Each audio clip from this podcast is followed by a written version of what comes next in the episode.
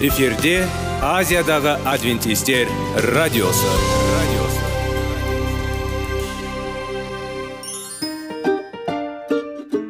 сәлем достар. Денсаулық өмір бұлағы және біздің бірінші байлығымыз демекші денсаулық сағаты рубрикасына қош келдіңіздер. Біздің рубрикада біз әртүрлі факторларменен мәліметтерменен кеңестерменен бөлісіп шын жүректен сіздердің дендеріңіз сау болғанын қалаймыз. Сол үшін біздің рубрикаға қош келдіңіздер. Дайындалып тұрыңыздар. Өйткені келесі минуттарда қызықты фактілерге ие боласыздар. Енді достар ең бірінші байлығымызды қолымызға алып алға кеттік.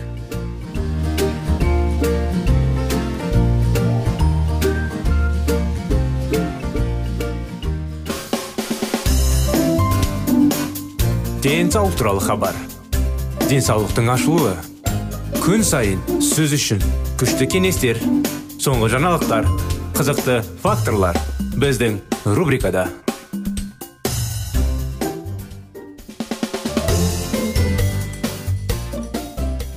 шынықсан шымыр боласың ден саудың жаны сау. Спорт бейбітшілік елшісі. Беледессең бекем бол. Мықтылық мұратсыз келмейді күш атасын танымас. Жүзден жүйрек мыңнан тұлпар жүректен жүрек озар жарысқанда. Жүректі сын жоқ жүйрек болсан шауып көр. Шын ер жеңсе тасымас жеңілсе жасымас. Мінекей осындай мақал мәтелдер денсаулық жайлы. Құрметті достар біздің денсаулық сағат бағдарламамызға қош келдіңіздер. Әрдайым сіздерменен бірге денсаулық сағат бағдарламасында денсаулыққа пайдалы жеміс жидектер жайлы дұрыс әдеттер жайлы негізінде ағзаны біз әрдайым дұрыс қалыпта сақтайтын анықтамалар кеңестер алып отырамыз. Біздің бағдарламадан алыстамай жүріңіздер. Қазіргі уақытта сіздердің назарларыңызға дұрыс әдеттер пайдалы әдеттер тақырыптарын жалғастырудамыз. Бүгін сіздермен бірге күнді зарядкадан бастау әдеті жайлы анықтаманы біліп отырамыз. Күні бойы сергекті қалай алуға болады? Әрине күшті кофені немесе энергетикті ұрып соғуға болады. Бірақ ұзақ уақыт бойы дене жеткілікті ме? Демалыс таңғы жаттығу. Неге біз күнді зарядтаудан бастауымыз керек? Неге бұл маңызды? Неге көптеген адамдар бұл жайған бұған назар көп аударады. Таңертең жаттығулар жасай отырып біз денеге бас миы ішкі органдарға ұйқыдан сергектікке көшуге көмектесеміз. Жаттығу адамды сергектік етеді. Күні бойы шыдамдылықты қосады. Әсіресе таңертең тұрған кезде тұруын тұрып оянбай қалсақ сондай кезде дене шынықтыру бізге оянуға көмектеседі. Егер сіз үнемі шұғылданатын болсаңыз онда бірінші аптадан кейін сіздің денеңізді жұмысқа дайын және қалай енді жалқаулықпен жақсы және алатыныңызды сезінесіз. Сонымен қатар таңертең зарядтау арқылы метаболизмді жақсартуға болады. Бұл уақытта сіздің денеңізді қажетсіз калориямен ажырату оңай. Сондай ақ күн бойы олардың қарақанды женеді таңертеңгілік жаттығулар да тәбетімен күресуге көмектеседі. Жаттығу басталғаннан кейін сіз денеңізді жақсы түсініп тамақты дұрыс таңдайсыз. Жаттығу мидың жұмысына көмектеседі. Сондай ақ адам күні бойы оң және жүйке төзімді етеді. Біз күні зарядтаудан бастағанда не болады? Оның пайдасы неде? Дұрыстап ойланып оны мұқият тыңдап көрейік. Таңертеңгілік жаттығу біздің денемізді оятады сауықтырады және нығайтады. Ол қан айналымын жақсартады. Және дененің барлық жүйесін белесіндеуге көмектеседі. Шынығу әсері бар. Адамды тәртіпті көңіл күйді арттырады және жұмысқа қабілеттілікті арттырады. Егер күні зарядтаудан бастамаса не болады? Түнгі ұйқы кезінде ағзадағы қан айналымы баяулайды. Жүрек жиырылуы жиілігі азаяды. Ал қан ащы болады. Жүйке күйесі де жүйесі. Адамдарды демалады және тіпті оянғаннан кейін де тежеу процестері әрекет етеді. Қалыпты жағдай 2-3 сағат ішінде болуы мүмкін.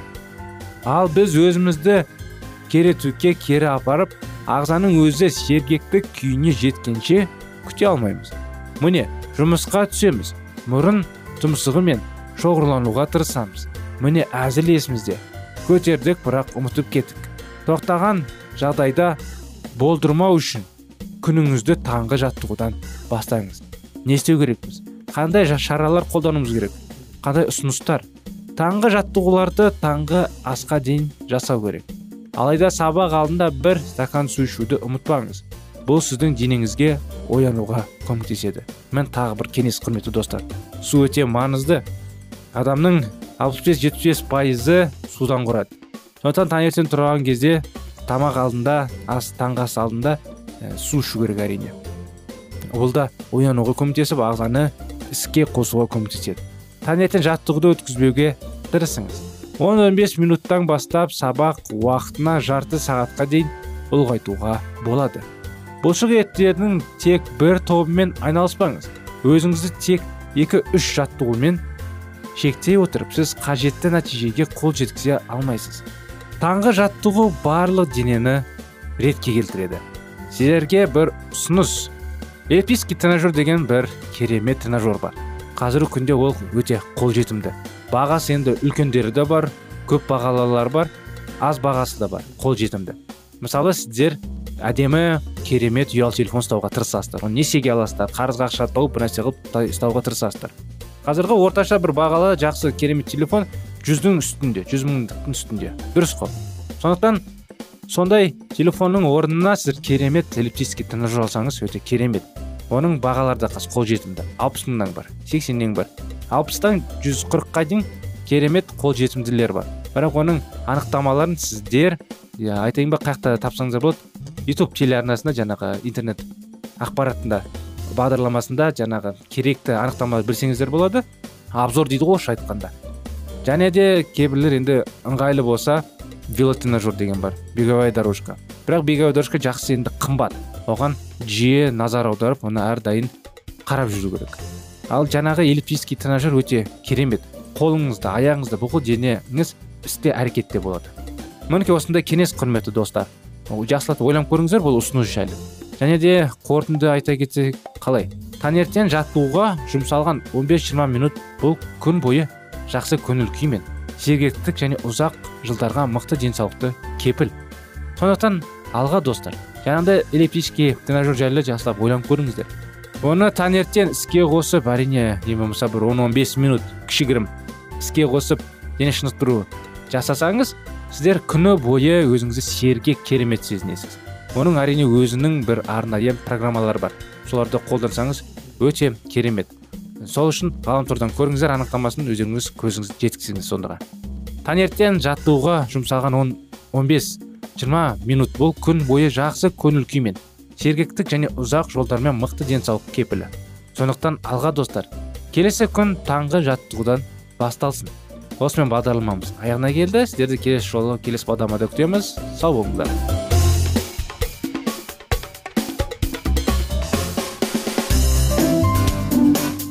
Денсаулық туралы хабар. Денсаулықтың ашылуы күн сайын сөз үшін күшті кеңестер соңғы жаңалықтар қызықты факторлар біздің рубрикада.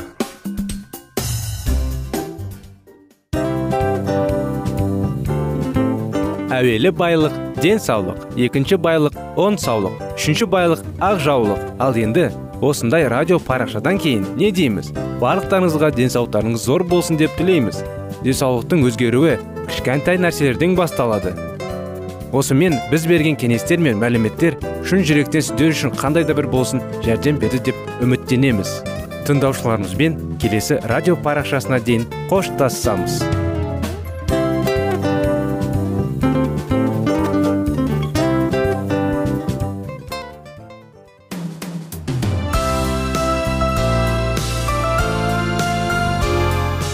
эфирде азиядағы адвентистер радиосы. Радиосы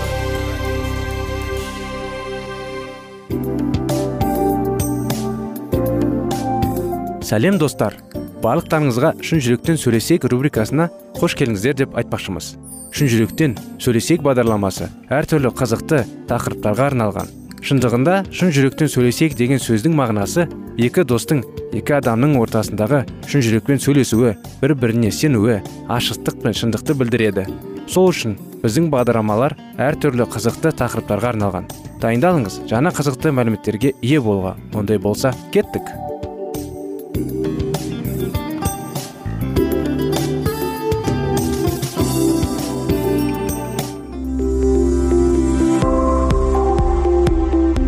Алтын сөздер. Сырласу қарым қатынас жайлы кеңестер мен қызықты тақырыптар. Шын жүректен сөйлесейік рубрикасында.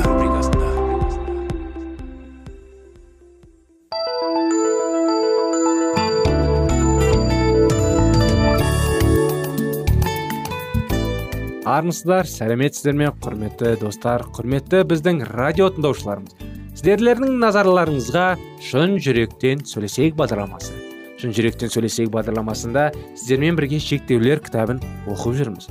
Соны жалғастыра кетсек қарсы әрекет жасау кезінде өткен адамдар құқықтарын талап етпейді. Олар құқықтарына ие және соларға сай әрекет жасайды. Күш бұл сіз талап ететін немесе еңбек сіңіріп алатын нәрсе емес. Сіз оны көрсетесіз.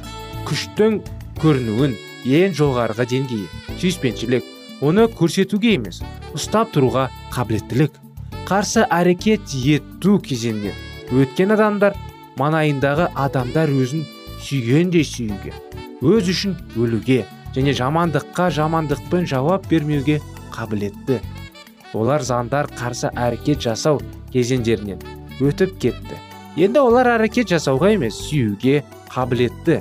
Исаның қарсы әрекет жасау кезіндегі әлі де заңдар мен өзге адамдардың билігі астында жүрген адамды еркін адаммен қалай салыстыратынына назар аударыңыз.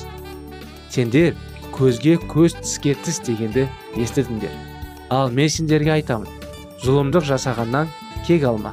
Егер біреу бетінің оң жағын ұрса оған сол жағында тос дейді. Қарсы әрекет жасау кезінен және сол кезде болатын сезімдерден айналып өтіп еркіндікке жетемін деп талпынбаңыз. Сізге өзіңізді сезімдеріңізге сәйкес ұстау міндетті емес. Бірақ сол сезімдерді көрсету қажет. Сіз өзіңізді танытып үйрентуге тиіссіз. Өз меншігіңізді сақтау үшін сізге өзіңізді ренжіткендерден жеткілікті дәрежеде алыс кету қажет. Ал содан кейін сіз өз жан дүниеңізден тапқан қазынаның жеке қожайыны бола аласыз. Бірақ мұнымен тоқталып қалмаңыз. Рухани есею өзін табудан жоғарырақ мақсаттардан білдіреді. Қарсы әрекет жасау. Кезені бұл бар болғаны есейген тұлғаның өсу барысында өтетін бір кезеңі ғана. Ол қажетті бірақ жеткіліксіз. Көре алмаушылық заңы. Көре алмаушылық қауіптілік белгісі. Жаңа өсиетте көре алмайтын жүрекке қатысты көптеген қатан сөздер бар. Жақыптың мына айтқандары туралы ойланып көріңізші. Сендер бір нәрсені аңсап емдене алмайсыңдар. Сонда кісі өлтірсеңдей жек көріп қызғансаңдар алайда аңсаған нәрселеріне қол жеткізе алмайсыңдар. Жанжалдасып төбелессеңдер бәрібір емденбейсіңдер көре алмаушылықтың шектеулерге қандай қатысы бар? Сірә көре алмаушылық бізге тән сезімдердің ішіндегі ең жаманы болар. Көре алмаушылық күнәмен құлдырудың басты себебі шайтанның күнәсі. Келі кітапта оның жаратушы иеге ұқсағысы келгенін айталады. Ол құдайды көре алмады.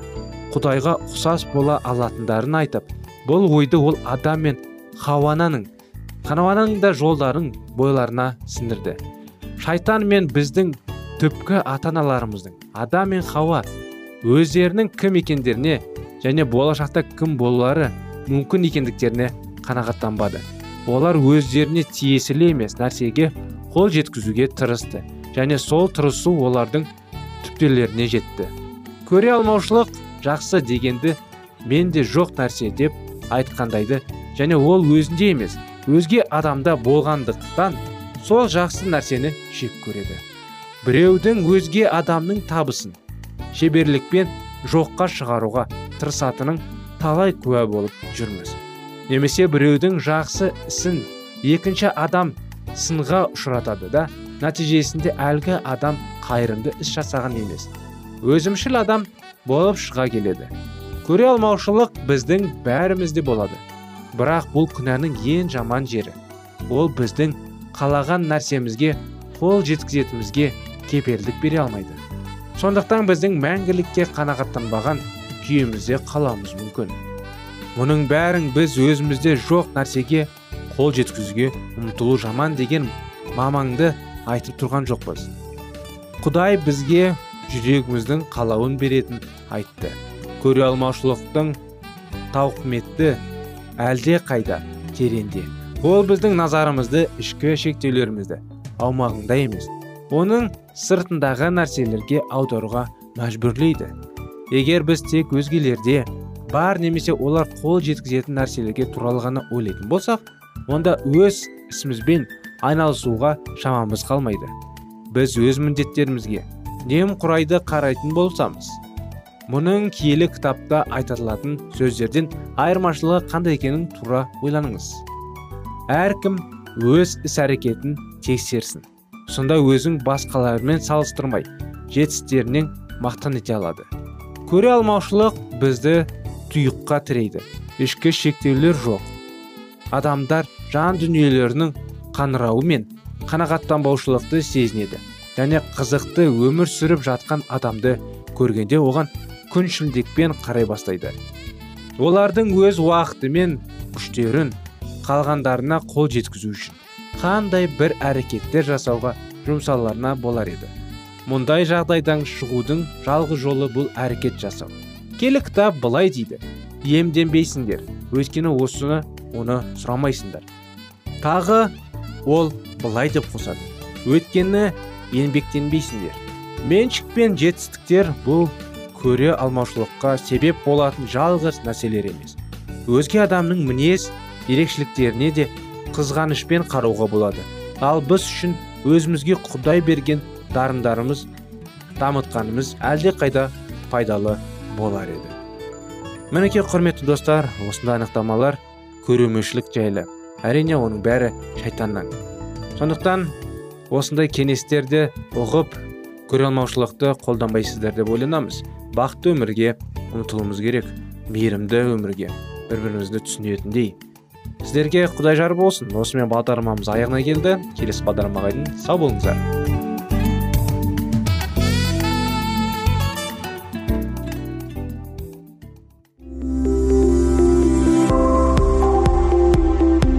Алтын сөздер.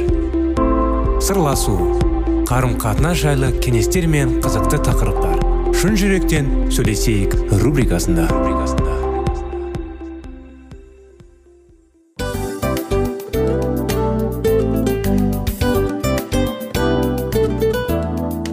Құрметті достар барлық ең соңғы кеңестер аяқталған соң біздің программамыз соңына келіп қалды. Осы біздің мәліметтер осы рубрикада айтылған әрбір сөздер сіздерге өзінің қандай да бір пайдасын алып келді деп шын жүректен сенеміз. Және бұдан да көптеген рубрикаларымыз бар. Басқа рубрикаларымызда біздің зерттеулерімізде сіздер үшін тағы да қызықты мәліметтер дайын. Біздің шын жүректен сөйлесейік парақшамызда көптеген әдістер ең соңғы кеңестер адамның нравственность жақтан моральдық жақтан тазалап байыта тұрған соңғы кеңестердің барлығын жанарады. сондықтан алдыңғы күндерде бізбен бірге болыңыздар. Өйткені барлық қызықтар алдыда. Бізбенен бірге болғандарыңызға үлкен рахмет. Келесі кездескенімізше сау сәлемет болыңыздар.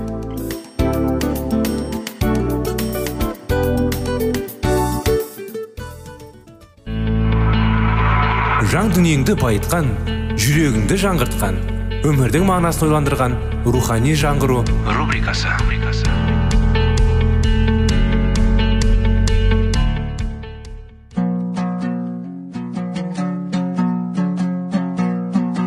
Ассалаумағалейкум біздің тыңдаушыларымыз.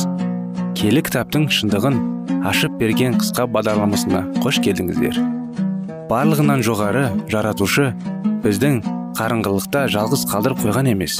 Өйткені ол келешекте не болу керек екенін киелі кітаптың парақтарында ашып береді. Немесе келіңіздер бізге қосылыңыздар. Жаратушы бізге нен ашып бергенін зерттейміз. Ассалаумағалейкум құрметті достар біздің бағдарламаға рухани жаңғыру деген бағдарламаға қош келіпсіздер.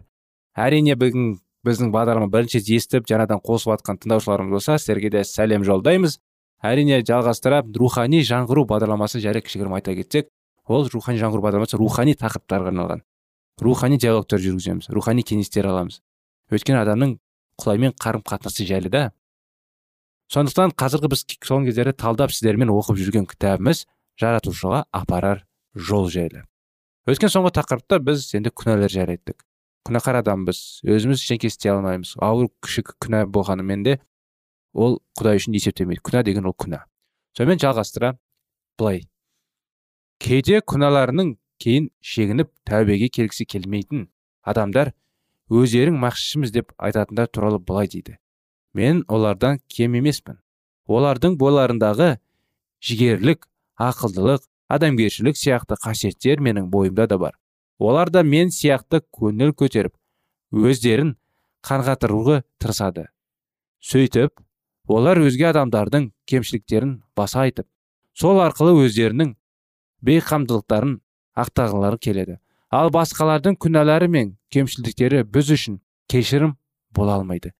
Өйткені жаратушы ие бізге ешқашан қателеспейтін жай қарапайым адамды емес күнәдан пәк құдай ұлын тәлім болатын үлгі ретінде беріп отыр. Егер ондай адамдар мәсіхшілердің көпшіліктерін тауып олардың қандай болуы керектігі туралы жақсы түсінетін болса осының өзі олардың жеке бастарында күнәларын аурулары түспей ме? Деген заңды сұрақ туады. Олар өз кемшіліктерін ақиқатына қандай іс амалдар жасау керектігін жақсы біледі. Бірақ сол дұрыстық жолды тастануға бас тартады. Кешіктіріп уақытта оздырып алудың қауіпті зор. Өз күнәларының үшін опық жеп тәубеге келудің уақытының кейінгі қолдары берінде арты жақсылыққа апармайды. Мыңдаған адамдар өздерін мәңгілік өлімге душар ететін осындай қателіктерге жол береді. Сондықтан да исамен байланыс арқылы жүректің тазалығын іздеңдер. Бұл жерде өмірдің қысқалығы көмектеселігі мен екі ұштандығы жайлы айтып түсіне бермейтін. Қауіп қатер туралы айтпай кетуге болмайды. Күнә қандайлықты кішігірім болып көрінгенмен оны қолдаушылардың бәрі де мәңгілік өлімге бастарын тігеді. Бұл пікірдің толық мағынасы сол кейінгі қалдырып уақытты өткізіп алмай тәубеге келіп күнәдан арылу керектігі туралы құдайдың келі рухының үндеуін қуаттауға адамдардың ақысы жоқ. Біздің және алмағанымыз ақыр аяғында бізді жеңіп құрдауға жіберді. Адам мен хауа тыйым салынған жемісті жегеннен құдай ескертінде қауіп қатер бола қоймас деп өздерін өздері жұбатты. Алайда олар осы болар болмас іс өздерінің жеуіне тыйым салынған жемістің жегеннен келер қауіп жоқ. Бұл болымсыз ғана кәделік тыйым салған жемістің жегеннің зардабынан құдайдың ескерткісінде үйрелеп те қорқынышты дауш бола қонбас деп өздерін өздері алыстау тұрады. Алайда осы болар болмас жансықтық күрдекте күшті құдайдың киелі заңның бұзғандағы еді. Осының өзі құдай мен адамның арасын ажыратып адам айтқысыз қайғы қасіретін қақпағын айқара ашты. Ғасырдан ғасырға өткен сайын жерден бақытсыздыққа қауіп кетерге душар болып азап шеккен адамдардың өксігі мен ауыр күріністегі естіліп жатады. Аспанның өзінде де адамдардың құдайға қарсы келушілік іздері қалауда. Құдайдың заңының бұзғандық құдайдың құдырын өтеп алу үшін керек болған ғалғота айға шағышты адамдардың құнын өтеуге берілген ұлы құрбандықтың ескерткішіндей болады. Міне сондықтан күнәларға іс амалдарымызға жеңіл желпі қырмайық. Әр кезде құдайдың заңы бұзуымыз құтқарушымыздың рақымына не құрындай қарағанымыздан өзі айналып келгенде. Заңдарын бұзуымыздың салдарынан жүрегіміз жүректеріміз қаутылып сана сезіміз таяздап ынта жігеріміз босан тартады. Сонымен қатар жаратушы иеміздің киелі рухының мейірімді де нәзік үнемі шақырынған де қоя бермейтін. Тәңір иеміздің көрдетті құдіретті алдында бас иіп мойын ұсына білмейтін. Құдайымыз деп екеміз. Күйеуімізде қаламыз. Алайда біз бағынуға икеміз ғана емес құдайдың қасиеті рухының мейірімді де нәзік үніне шақыруына назар аударуға құлақсыз болып қала бермейміз көптеген адамдар өздерінің жан дүниелеріне үңілген кезде істеген жамандықтары күнәға батыратын қылықтары туралы естеріне түсе қалса өздерінің ниеттері түскен кездерінде зұлымдылықтан бас тартып жамандықтан аралып күнәларымыздың тазарымыз деп өздерін өздері алдастырып жұбатады. Олар құдайдың қайырымдылықпен үндеуіне ат үсті. Қарасаққа да кейін келе сол келі үнді тағы да қайталап еститін болармыз деп үміттенеді. Олар келі рухтың кейітіп шайтанның жағында жүрсек те аса қатерлі сәттерде беталыстарымызды өзгертіп жақсылыққа бет бұрамыз деп сенеді. Ал бұл жеңілдікпен қол жеткізер іс емес.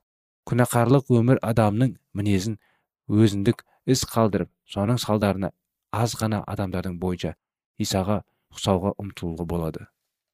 Адамдардың әрдайым жүрек түкпірінде жүрген бір ғана күнәқарлық пайғылы мінездігінде бір ғана теріс қалығы ақыр аяғында келік таптың өзіміздің де жан дүниемізге тигізгі игір.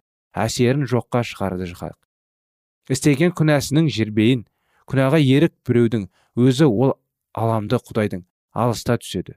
Тәңірлік ақиқи шындыққа не құрылып қарап оған сенбеушілік ақыр аяғында сол адамның өзіне соққы болып тиеді. Мінекей достар әрине әрдайым айтқан сайын біз өзіміз ештеңке істей алмаймыз күнәмізді кешіре алмаймыз. Бірақ расында ерте болсын кеш болсын бір күні ол жаңағы күнәларымыз үшін жауап береміз. Е ол күнә емес. Ол кішігірім бір іс деп. Болмаса ол кішігірім бір әсер деп. Е ол кішкентай күнә ғой деп. Бұл мелочь қой деп айтқан адамдар қателеседі. Өйткені үлкен күнә кіші күнә деген жоқ. Бәрі күнә құдай үшін бір. Күнәдан әрдайым айтамыз құдай ғана бізді құтқарылады. Сонымен тақырыптың жалғасы енді достар келесі жолы болады. Қазір бізбен бірге болғандарыңызға рахмет. Келесі жолы сіздерді қуана қуана күтеміз сау саламатта болыңыздар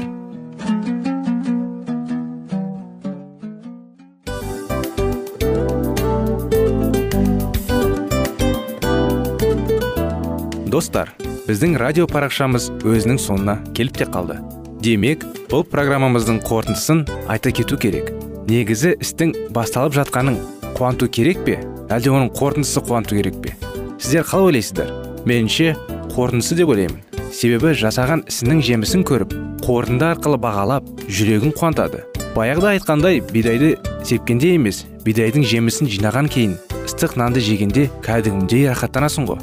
Осымен біздің бағдарламамыздың аяғында тыңдаушыларымыз қандай пайда алды екен деген ойдамыз. Егерде өткен сфераларда пайдалы кеңес алған болсаңыз біз өзіміздің мақсатымызға жеткеніміз.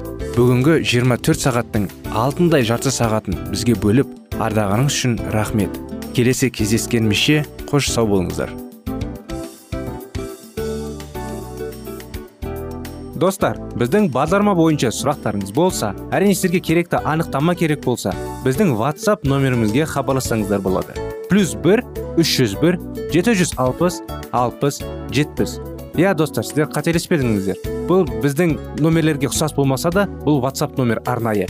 Хабарласыңыздар сұрақтарыңызды қойып тұрыңыздар. Анықтаманы алып тұрыңыздар. Плюс бір үш жүз бір жеті жүз алпыс алпыс жетпіс ватсап номері.